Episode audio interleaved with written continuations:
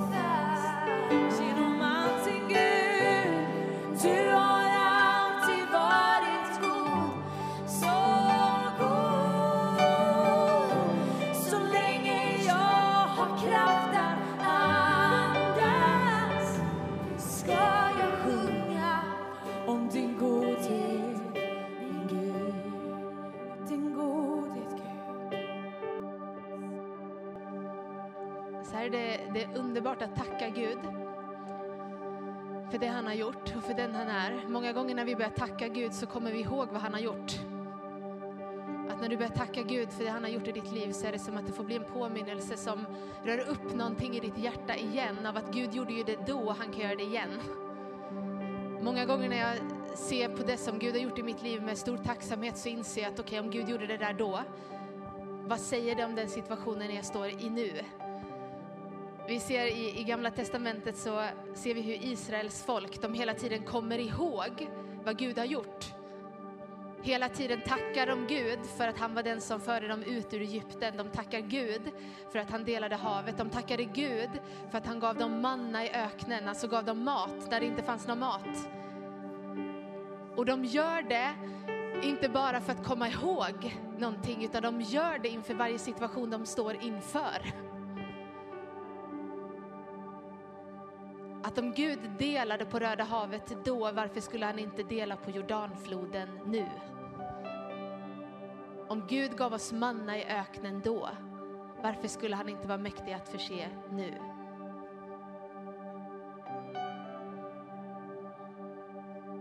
Om Gud i sin trofasthet förde mig dit som han kallade för en vecka sedan, varför skulle han inte föra mig dit nästa vecka?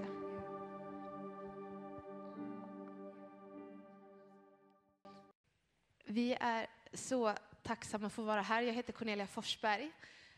För er som inte har mött mig innan och finns med i det här initiativet. Och precis som Sanna berättade så, så åker vi runt mycket i Sverige. Eh, vi finns här omkring så det här är lite hemmaplan idag. Även om Älvängen inte riktigt är hemmaplan så är det nästan det. Eh, jag har funnits med och jobbat i, i Smyrna i stan innan och vi läste på precis här innan att på 30-talet så var det här en utpost till Smyrna. Kan det stämma?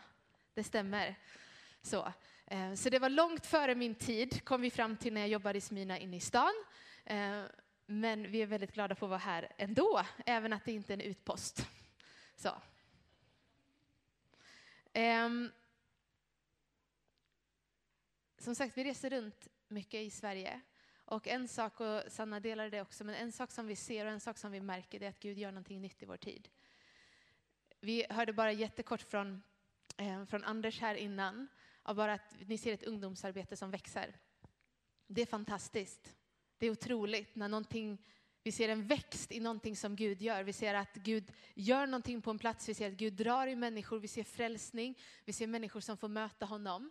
Och den där typen av vittnesbörd av växt på olika platser når oss inte bara då och då, utan det känns som att det finns en rörelse och ett vittnesbörd som liksom ljuder i landet av att någonting växer. Jag förstår att alla sammanhang skulle inte säga exakt samma sak, men ändå så är det en genomgående ton och ett genomgående vittnesbörd av att det verkar som att Gud gör någonting. Det verkar som att människors hjärtan är öppna för evangeliet på ett sätt som vi inte kanske har sett innan, eller på ett sätt som förvånar oss, som egentligen inte borde förvåna oss, men som ändå förvånar oss. För att vi märker att det är som att människor längtar, människor söker Gud. Vi är ute ganska mycket i också evangelisationer som möter människor på gatorna. Och för dig som tänker så här när jag säger det, aha du är en typisk sån person, så är jag inte det. Men jag insåg att Gud älskar varje människa som jag möter. Och att vem ska berätta om inte jag? Det var ungefär mitt kall ut på gatorna, ut att börja möta människor och berätta om Jesus. Och en sak som jag varit så tagen av de senaste veckorna när vi har varit ute och mött människor, vi är ute varje torsdag inne i stan i Göteborg, och för att bara prata med folk och berätta om Jesus, så är det en sak som har slått mig, som har stått, fått mig att stå i förundran de senaste veckorna, det är att människor som jag möter är mer de som drar i samtalen än vad jag är den som drar i samtalen. Alltså när man möter någon som inte tror på Jesus, som mer håller igång samtalet med mig än vad jag försöker hålla igång det med dem. Genom frågor, genom egna vittnesbörd, genom egna berättelser av vad de har varit med om. För så här är den vanliga svensken. Väldigt, väldigt många av dem har en erfarenhet av Gud.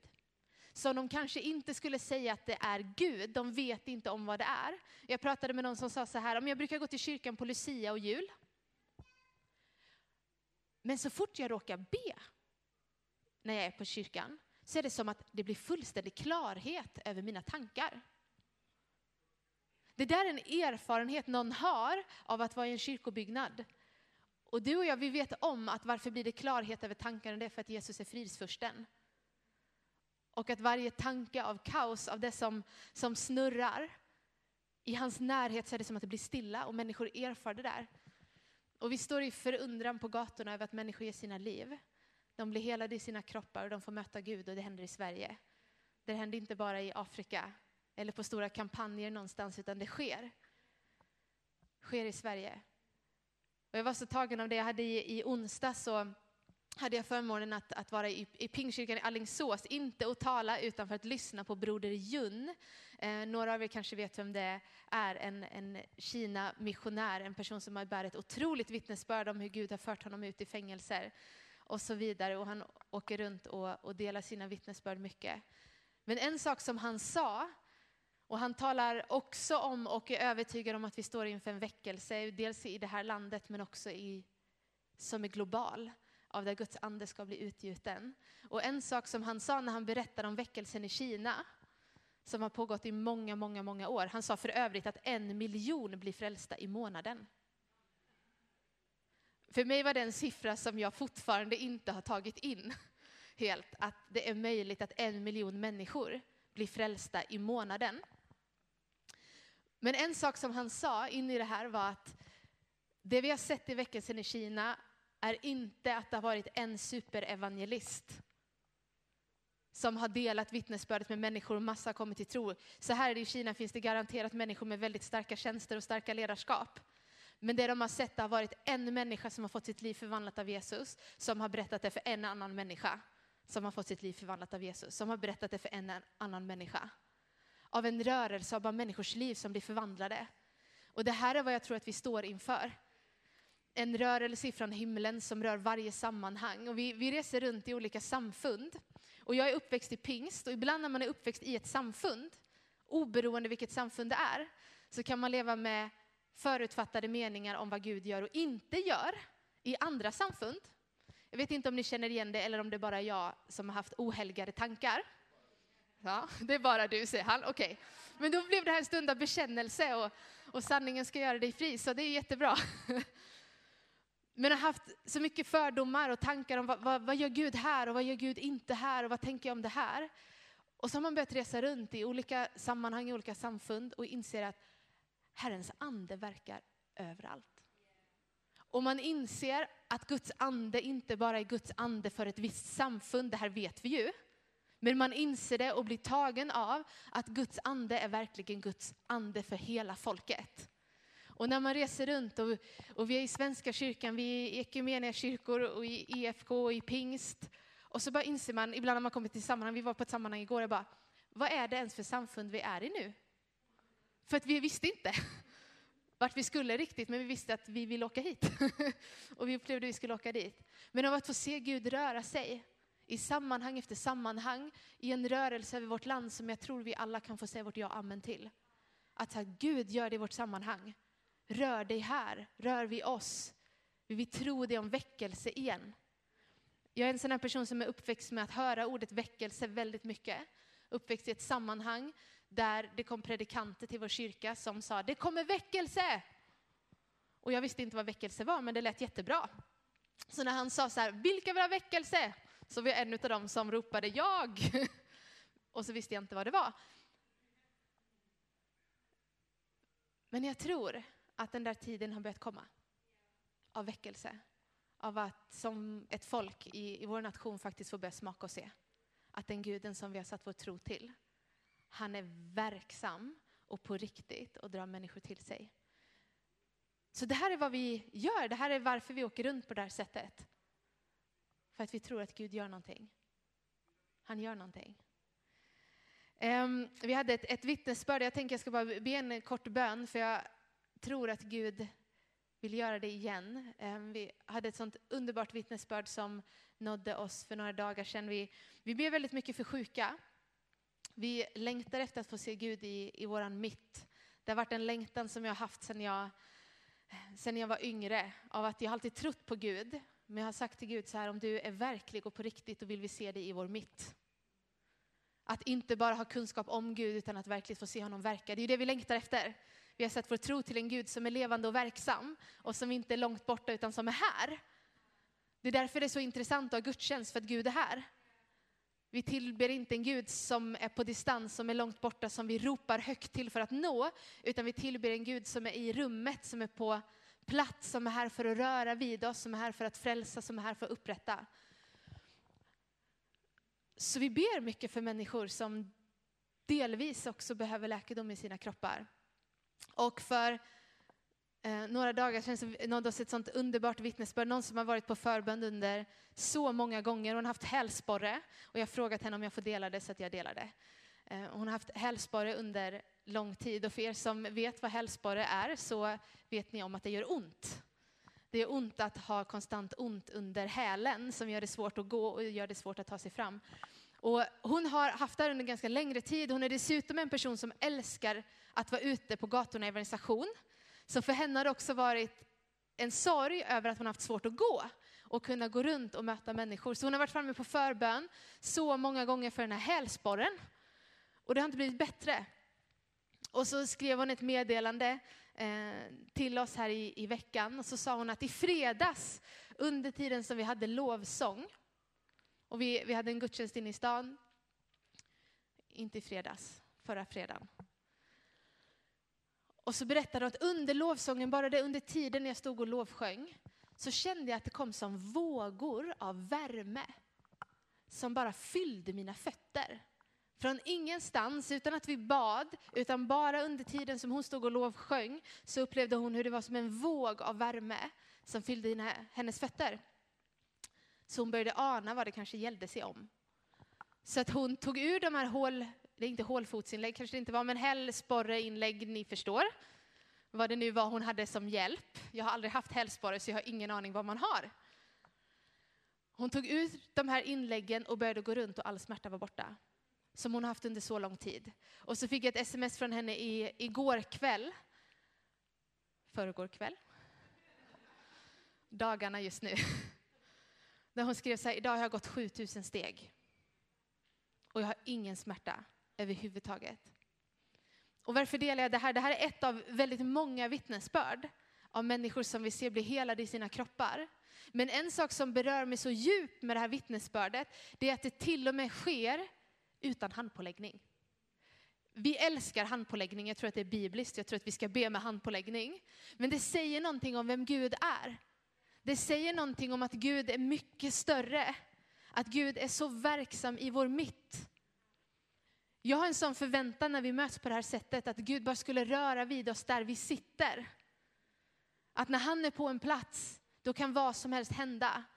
Av frihet som sker på den platsen, demoniskt förtryck som försvinner på den platsen, av läkedom som sker på den platsen. Och det här är bara ett av jättemånga vittnesbörd. Av där plötsligt bara Gud i sin makt går in och rör vid en människa till helande. Så jag tänker så här att jag ska be en, en kort bön. Om du är här och du behöver läkedom i din kropp, så ska vi be en, en enkel bön för dig i den här stunden. Och jag tänker så här, jag, jag kommer bara be några meningar. Och om du är här och du behöver läkedom på något sätt så kan du bara lägga din hand på det området där du behöver läkedom.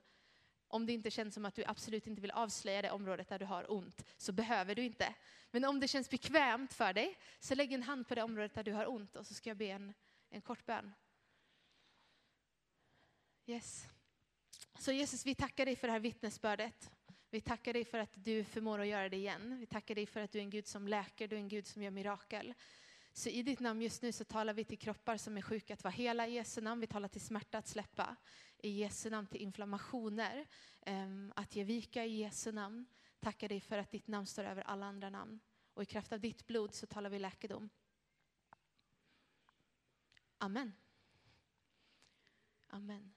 Ehm, min uppmuntran när vi sen, när jag är klar här, så testa jättegärna.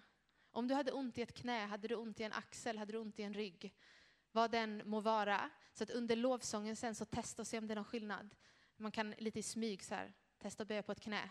Eller lite i smyg testa att se om axeln fortfarande är lika stel. Eh, ibland har man komplikationer som är väldigt svåra att testa och då kommer jag inte pressa dig att testa dem. Men om det är så att det går, så gör det. Jag hörde ett sånt underbart vittnesbörd från pingstväckelsen eh, på Azusa Street. Det är nästan över hundra år sedan nu. Och jag återkommer till det här vittnesbördet om och om igen.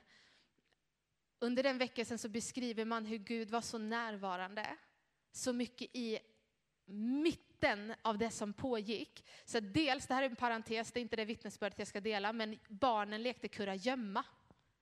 För att Guds närvaro kom som ett moln. Så att de lekte liksom kurragömma i molnet. Det är också en typ av barnkyrka. Men en sak som de vittnade om var att på det sättet som Gud var så närvarande vid vissa tillfällen så var det som att Gud på ett så påtagligt sätt kom för att hela, med, hela människor och upprätta kroppar och också komma med fysisk läkedom. Så att i vissa stunder så var det som att på bara ett nu så gick någon fram och delade ungefär så här enkelt, nu tror jag att Gud vill hela. Och i ett nu så hörde man hur det knakade runt om i bänkarna. För att Gud reste upp kroppar, helade ryggar, gjorde det brutna helt. Tänk den typen av kontext. Av att det skulle få vara någonting som var vanligt för oss. Jaha, nu knakar det till i din kropp. Ja, vad härligt att Herren är här och rör vid oss. Ja. Nu ska jag läsa Bibeln. Annars så fortsätter jag här och bara dela vittnesbörd, vilket å andra sidan också är bibliskt. Eh, andra Mosebok 40.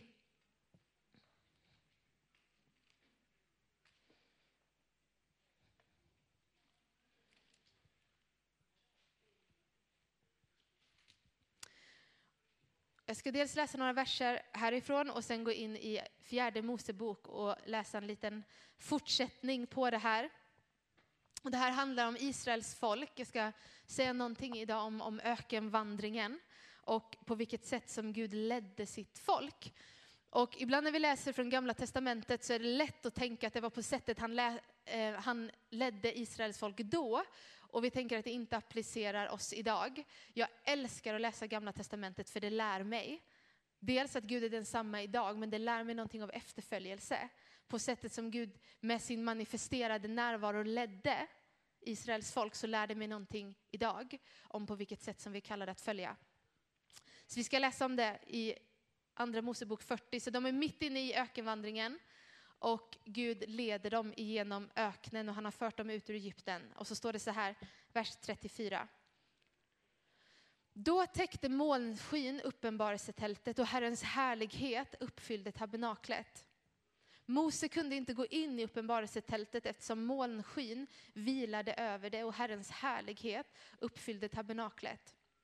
Och Så står det så här, så ofta molnskyn höjde sig från tabernaklet bröt Israels barn upp. Så gjorde de under hela sin vandring. Men så länge molnskyn inte höjde sig bröt de inte upp förrän den dag då det höjde sig igen. Herrens molnsky vilade över tabernaklet om dagen och eld var i den om natten. Så var det inför ögonen på hela Israels folk under hela deras vandring. Och så kan vi gå till fjärde, bok, fjärde Mosebok kapitel 9.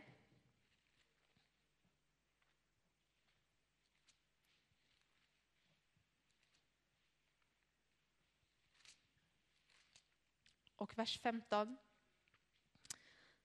Där fortsätter den här beskrivningen om på vilket sätt som Gud ledde sitt folk. På den dagen då tabernaklet sattes upp täckte molnskyn tabernaklet, vittnesbördets tält. Från kvällen till morgonen var den över tabernaklet och den såg ut som eld. Så var det alltid. Molnskyn täckte det och om natten såg det ut som en eld. Så ofta molnskyn höjde sig från tältet bröt Israels barn upp och på den plats där molnskyn stannade slog Israels barn läger. På Herrens befallning bröt Israels barn upp och på Herrens befallning slog de läger. Så länge molnskyn vilade över tabernaklet låg de kvar i lägret.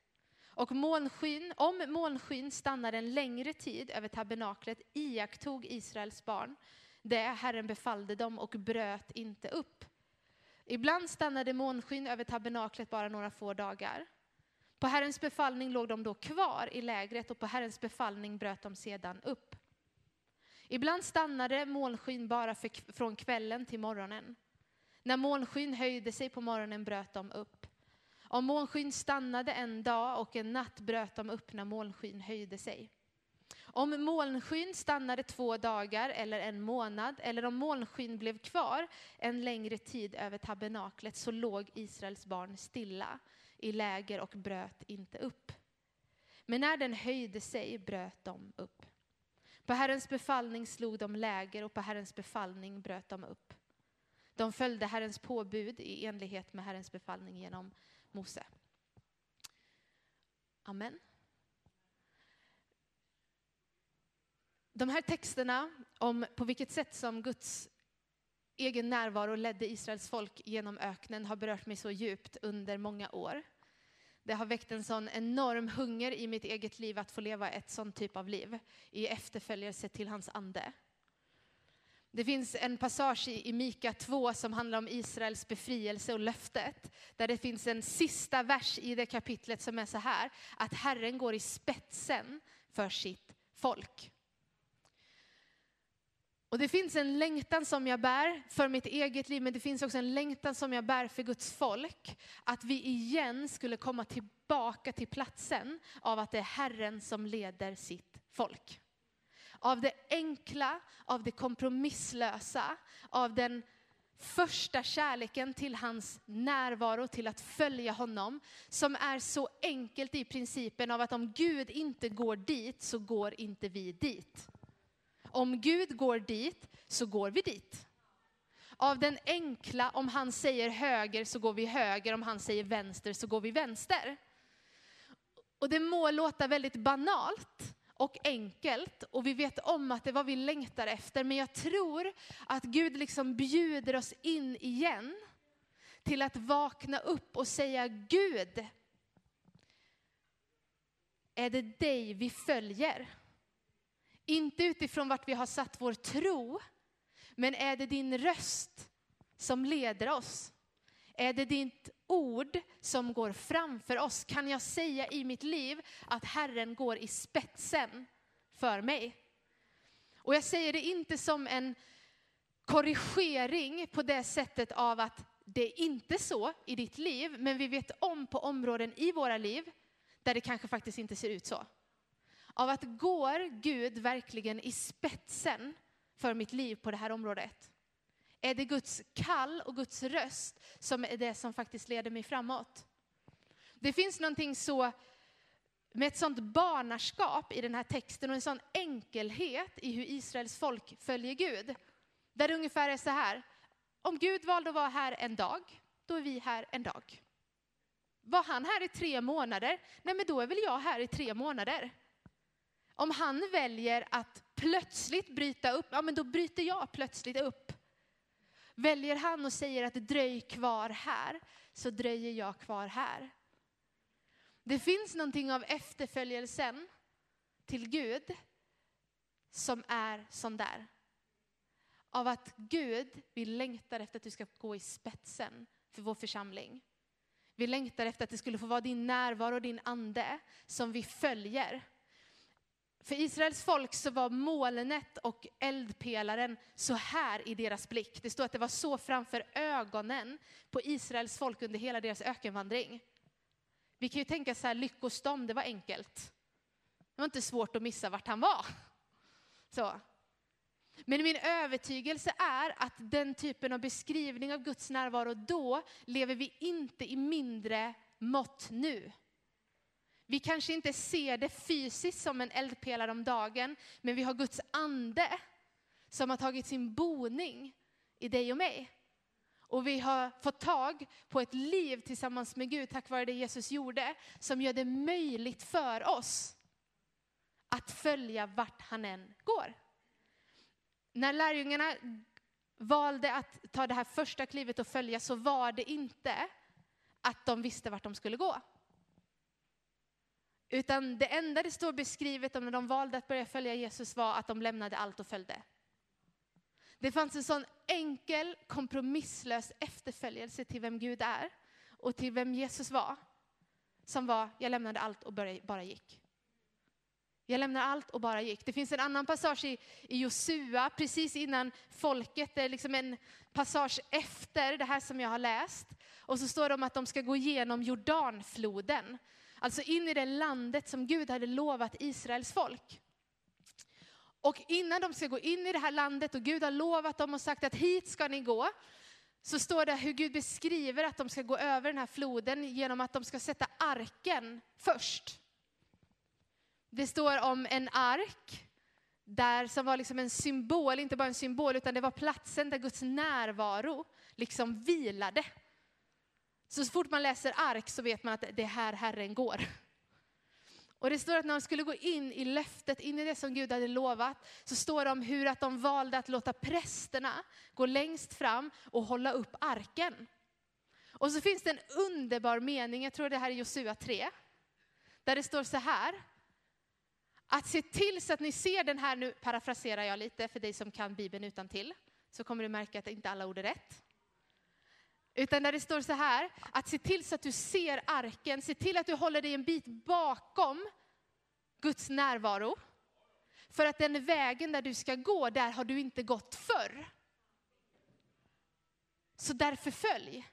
Håll blicken fäst på vart den här arken går, för dit du ska gå nu har du aldrig gått. Och jag tror att det är så här att Gud vill leda oss som enskilda som personlig, i sin personliga efterföljelse till Gud, men också som församling in på en väg där vi kanske inte har gått för. Och för att kunna gå den vägen så finns det en beskrivning och det är att han behöver få gå i spetsen. Det finns en beskrivning och det är att han behöver få gå före sitt folk. I Uppenbarelseboken så finns det sju brev till olika församlingar som jag tror är brev till församlingar då, men också till oss nu. Och där avslutas varje sånt här brev, varje hälsning ifrån Gud till församlingar med den här meningen. Att hör vad anden säger till församlingarna. Hör vad han säger till församlingarna. Och jag tror, och det är det som jag vill skicka med idag, jag tror att det finns en inbjudan ifrån Gud av att säga, vi vill vara en församling, vi vill vara en plats, vi vill vara en person som går dit du går. Som stannar upp tills vi ser att du går vidare. Ibland är det att följa Gud, ibland är det att vänta och ibland är det att gå. Att följa Gud innebär inte alltid att gå. För att ibland är det mest rätta att vänta och bli kvar och dröja. På samma sätt som det står att om Gud var kvar en månad så var de kvar en månad. Ibland är det så i mitt liv att för att följa Gud så vet jag att om jag går nu så går jag för tidigt. Om jag gör det här nu så gör jag det lite innan han har sagt att det är tid. Ibland är det att dröja kvar och säga Gud, vi tänker inte göra någonting förrän vi vet vad du har sagt. Och ibland är hans kall till oss ungefär detta, att ni vet vad jag har sagt, gå. För att vi ser att hans närvaro går med. För att vi ser att det är så som hans ande leder. Och jag längtar efter i mitt eget liv, efter att vi bara skulle så börja följa på riktigt. Så där riktigt radikalt, riktigt kompromisslöst och riktigt rejält. Någon sa till mig en gång att du är radikal för att du är ung. Och så tänkte jag på Mose. Jag tänkte han var inte ung. Han följde kompromisslöst. Och vi ser människor som följer kompromisslöst genom hela livet för att man har fått smaka och se på en kärlek som har förvandlat ens liv. Och så här, jag tror att det här landet, nu står Stefan Löfven här utanför, låt oss be för honom också. Men jag tror att det här landet behöver en kyrka som kompromisslöst följer. Jag tror att det här landet, oavsett vilket samfund vi är ifrån, oavsett vart vi kommer ifrån, behöver bara kompromisslösa lärjungar som säger att vi har fått tag på en som kan rädda liv. Vi har tag på en som ger verklig frihet. Vi har fått tag på ett namn som är det enda namnet som kan hela, som kan upprätta. Och vi ger våra liv för att följa. Och det må låta så här enkelt och det känns som att det är svårt att applicera in i vår vardag, men jag tror att det går. Jag tror att det går. Jag tror att det som Gud bjuder in oss var och en till är till en vänskap med honom. Det står i Johannes 15. Så står det att jag kallar inte längre tjänare utan jag kallar er vänner. Om du gör vad jag har sagt så kallar jag er vänner för att jag låter er veta allt som min fader har sagt. Att det verkar gå att lära känna Gud. Det verkar gå att följa honom på samma sätt som apostlarna följde. Så verkar det gå att idag följa. Och de här berättelserna från Gamla Testamentet om Guds närvaro som bröt upp och som blev kvar och som gick framför dem om natten, gick framför dem på dagen. Jag har sagt personligt ja till att Gud, jag längtar efter att det skulle få vara så där i mitt liv. Och jag tänker att det är en inbjudan till församlingen att säga så här, vet vi vart vi är på väg? Ni vet säkert det. Men att vet vi vart vi är på väg, vet vi vad Gud har sagt. Om vi står inför ett vägval där vi tänker så här, vad är mest praktiskt att göra, höger eller vänster? Men vi inte vet vad Gud har sagt. Vad gör vi då? Går vi ändå eller dröjer vi kvar tills vi vet vad han har sagt? Jag tror att vi behöver dröja kvar tills vi vet vad han har sagt. Det är en sak om, om du väljer att du ska dricka kaffe eller te på morgonen. Det går nog bra vilket som. Om inte Gud har någon väldigt speciell tanke just den morgonen för ditt liv med drickandet av te. Men när vi står inför vart är vi på väg som församling, vart är vi på väg på den här orten, på den här platsen i mitt eget liv i Kall. Om vi ännu inte vet, vad gör vi? Stannar vi upp och dröjer kvar inför hans ansikte tills vi har hört? Eller går vi ändå? Och jag tror att Gud bjuder in sitt folk att vara ett sånt folk som säger så att om inte du går så går inte jag. Om du inte har sagt någonting, men då väntar jag. I stor tro om att du kommer att tala. I stor tro om att du kommer att leda. För vet ni, väntan tillsammans med Gud är inte en sån här väntan som är, nej han kanske aldrig kommer tala och så, hoops. Utan väntan med Gud är en plats i full förvissning om att han kommer att tala. Han kommer att leda. Och om jag ännu inte vet, då dröjer jag kvar. Inte för att jag tror att han kommer svika mig, utan från att platsen av att jag vet att han kommer leda mig.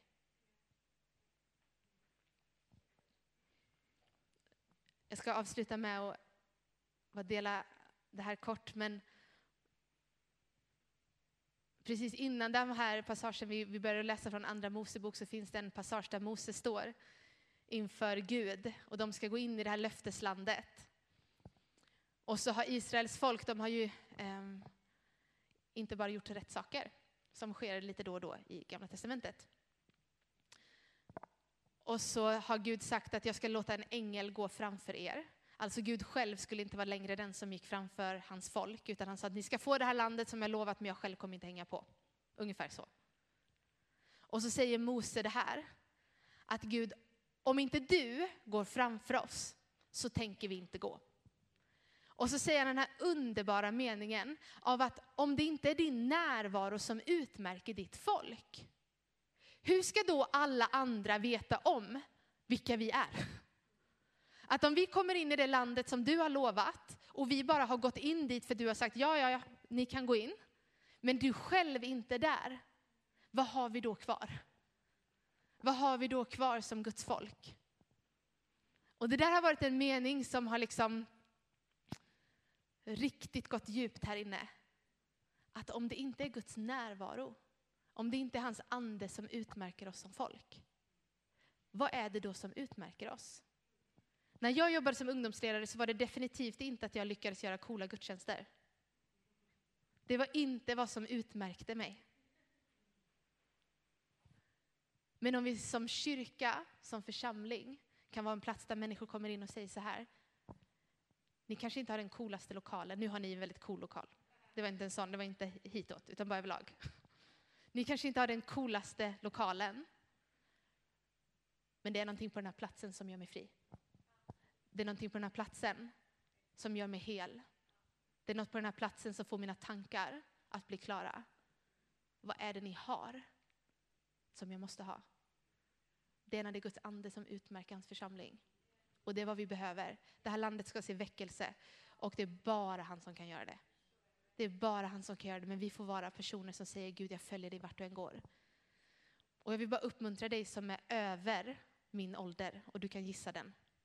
Så får du avgöra om du är över eller under den. Jag är 31. Men jag vill uppmuntra dig som är äldre, som tänker att den typen av efterföljelse var för förr. Det finns inget utgångsdatum på en sån typ av efterföljelse. Utan den efterföljelse som är att Gud, hela mitt liv, ända in, jag tänker springa mitt lopp, hela vägen, så tänker jag följa dig. Jag tänker lyda dig, jag tänker älska dig. Jesus,